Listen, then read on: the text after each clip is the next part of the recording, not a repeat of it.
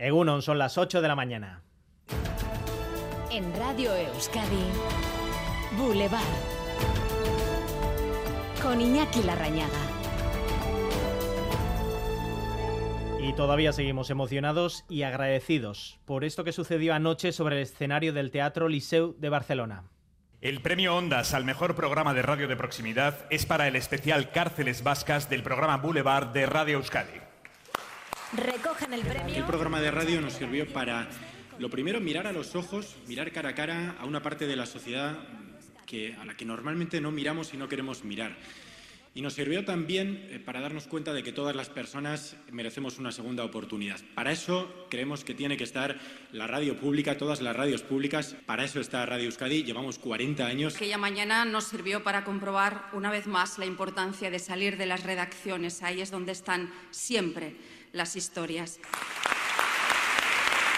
Xavier García Ramsden y Sonia Hernando recogían el premio Ondas en nombre de todo el equipo de Boulevard, apelando al periodismo que busca historias y a las segundas oportunidades para las personas presas. Hoy es un día de dulce resaca emocional para este programa y también de agradecimiento también a ustedes que nos acompañan cada mañana en Radio Euskadi.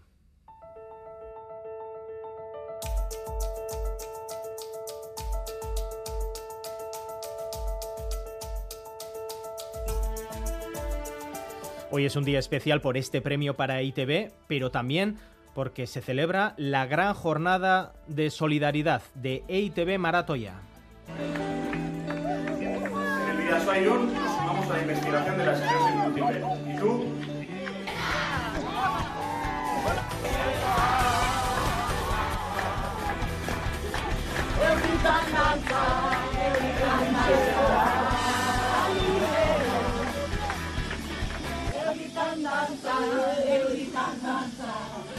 Tras semanas en las que nos han acompañado, se han mojado, han cantado al ritmo de Euritan Danzan, hoy es el gran día. A partir de las 9 de la mañana, personas conocidas de la sociedad vasca se ponen al otro lado del teléfono para recoger sus aportaciones, donaciones grandes o pequeñas. Objetivo, recaudar dinero en favor de la investigación de la esclerosis múltiple.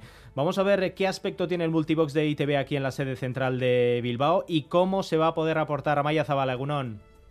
Egunon, así es, nos encontramos en la sala Multibox de ITV en Bilbao, donde todo está listo para en una hora empezar a recibir las llamadas con donaciones para ayudar en la investigación de la esclerosis múltiple. Recordar que durante todo el día más de 160 rostros conocidos de la sociedad vasca atenderán las llamadas en el número 900-840-750. Informar también a los y las oyentes que las donaciones se pueden realizar mediante Bizum en el número 33478 todas serán bienvenidas por pequeñas que sean. Es que como Maya, 8 y 3 de la mañana. Además, hoy hablamos del trabajo de investigación de ITV sobre los abusos cometidos en el Colegio San José de Bermeo por parte del hermano Felipe. Una investigación que continúa dando sus frutos. Algo que se podía intuir desde un principio y que nuestro compañero de Euskal Televista, Asier Sánchez, lo ha confirmado a través de nuevos testimonios. Felipe abusó de niños también en la etapa posterior a Bermeo. Lo hizo en el Colegio Berriochoa de Santucho, en Bilbao, en los años 80 te ganaba, vamos a decir, el cariño de los críos, yo creo, y, cuando ya te tenía un poco, pues te llevaba al despacho, te las piernas, te daba caricias, besitos. Las víctimas de Berry Ochoa, ya lo ven, guardan de momento el anonimato a la espera de que el pedrasta pueda también pedir perdón a ellas, como ha hecho a través de un vídeo con las de Bermeo. Enseguida ampliamos esta información con Xavier Madariaga.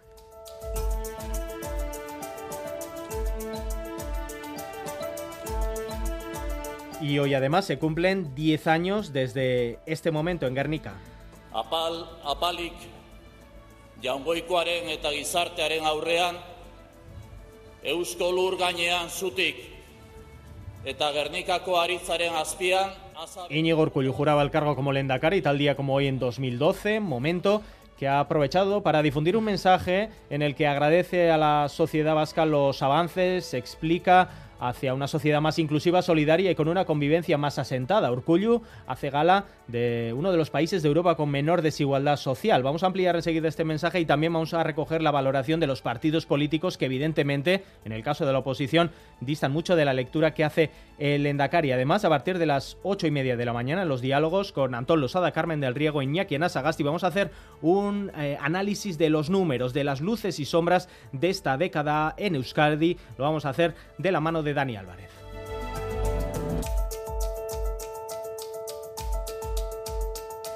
Y hoy Francia celebra el pase a la final del Mundial de Fútbol de Qatar tras vencer a Marruecos, al que se le termina el sueño. Francia-Argentina será la final el domingo, eso en lo estrictamente deportivo porque la victoria de los franceses ha provocado importantes altercados en ciudades como Niza o Montpellier, peleas entre hinchas.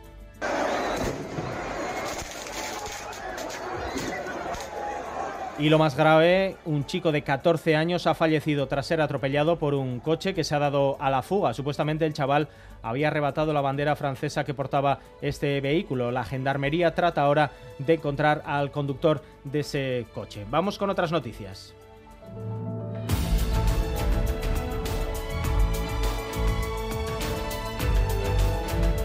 Repasamos con Leire García. Los sindicatos convocantes de la huelga de educación de este miércoles cifran el seguimiento en un 60%. El gobierno vasco lo rebaja al 33%. El ALAP y Esteilas no tienen previstas nuevas jornadas de huelga, pero aseguran que mantendrán eh, las protestas si no hay avances en la negociación un seguimiento muy amplio, pues ha quedado patente de alguna manera el rechazo de los trabajadores y trabajadoras a este proyecto de ley. Y también que están dispuestos a luchar por un sistema educativo más justo. Que queremos incidir para que la ley sea diferente, una red única, pública, euskaldun y propia, y que no vamos a aceptar que decretos, órdenes o leyes que perpetúen el sistema dual. A las 9 de la mañana, hoy entrevista en Boulevard en Radio Euskadi al consejero de Educación, Joaquín Bildarratz. El Tribunal Constitucional ha convocado para hoy un pleno extraordinario y urgente para decidir si paraliza la reforma del Gobierno sobre su renovación. El Constitucional decidirá si admite a trámite el recurso de amparo del Partido Popular por el que piden que se paralice el trámite de la última propuesta del Gobierno. Una reunión que va a comenzar a las 10 de la mañana. Y la Comisión de Presupuestos ha aprobado varias enmiendas de la oposición, entre ellas 12 millones para mantener los descuentos en el transporte. El Partido Nacionalista Vasco insiste en que el Gobierno de Pedro Sánchez debe incluir la subvención del 30%. Si no se incluye, no apoyarán el paquete de medidas para paliar el aumento del IPC. Escuchamos a la ministra María Jesús Montero e Idoya Sagastizaba, PNV. Ahora, con motivo del decreto ley de Ucrania, que vamos a traer dentro de muy pocos días, vamos a debatir y, por tanto, retomaremos ese diálogo, señoría. Me esperaba una respuesta más positiva que la reducción del transporte en un 30%. Se planteó como una medida extraordinaria por unas circunstancias excepcionales. Ahora no se puede hacer recaer la responsabilidad que continúe o no esta bonificación del transporte en las comunidades autónomas y que éstas, a su vez, asuman la totalidad de su coste. Que si esta medida no aparece en ese decreto, difícilmente podremos eh, apoyar. La planta de Mercedes Vitoria, les contamos además que para hoy su producción por el exceso de stock. Una parada que se mantendrá durante seis días, lo que supondrá una reducción de 4.000 vehículos menos en la producción total del año 2022. Y la historiadora nicaragüense Dora María Tellez, premio René Casén. Se ha destacado su labor de investigación en la defensa de los derechos humanos. Está encarcelada por lo que en su nombre recogía el galardón la economista Clara Murguialday. Y un vistazo a la actualidad deportiva con Álvaro Fernández Cadierno, Egunón. Egunón, además de esa final entre Francia y Argentina que ya has comentado, baloncesto, mucho baloncesto, victoria de Basconia en la Euroliga en casa del EFES, en victoria y clasificación también para Bilbao Basket en Turquía está en la siguiente fase de la Champions, ganaba en la cancha del base de Kir por 32 puntos y triunfo asimismo de Ointe Guernica en Europa ante el Estudiantes, pero derrota, triunfo no, clasificación pese a la derrota de Guernica y derrota y eliminación en el Gasca de IDK ante el Montpellier. Las de Azumuguruza están ya eliminadas en Europa. Boulevard. Lural de Bus nos ofrece la información del tiempo. Lural de Bus, a donde vayas, vamos contigo. Previsión del tiempo con Euskalmen, Maya Leniza, Egunon. Egunon, por la mañana el tiempo estará más estable, pero para la tarde vuelven los chubascos. Ya ha pasado el frente que nos ha dejado lluvias de madrugada y aunque todavía se puede dar algún chubasco puntual, por la mañana el ambiente estará más tranquilo. Veremos claros y seguirá soplando el viento del suroeste con algo de fuerza. Pero a partir del mediodía el viento irá girando a noroeste, traerá nubes más compactas y la lluvia se irá extendiendo de norte a sur, aunque sobre todo lloverá en la mitad norte. Con el giro del viento notaremos cómo bajan las temperaturas y las máximas hoy se quedarán entre los 12 y los 16 grados. Es decir, para la tarde el ambiente estará más revuelto y refrescará.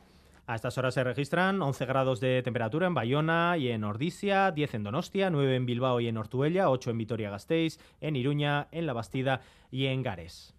En en los arcos tenemos 9 grados y hay niebla. Agur. Egunon, zarautzen gaur amalau gradu, ondo pasaio. Egunon, irunen amar gradu, egunon izan.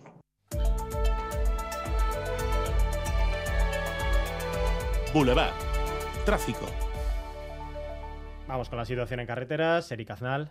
El Departamento de Seguridad informa de un accidente en la Vizcaya 637 en Guecho, sentido Erandio. Dos vehículos han colisionado y obstaculizan el tráfico. La Ertzaintza está en el lugar direccionando el tráfico. En el control técnico Joseba Ruela y Arancha Prado comenzamos.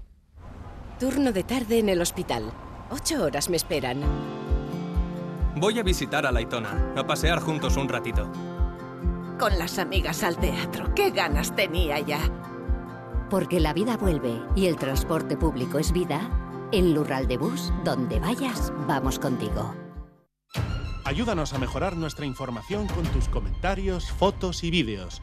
Envíalos al WhatsApp de Radio Euskadi 688 840 840.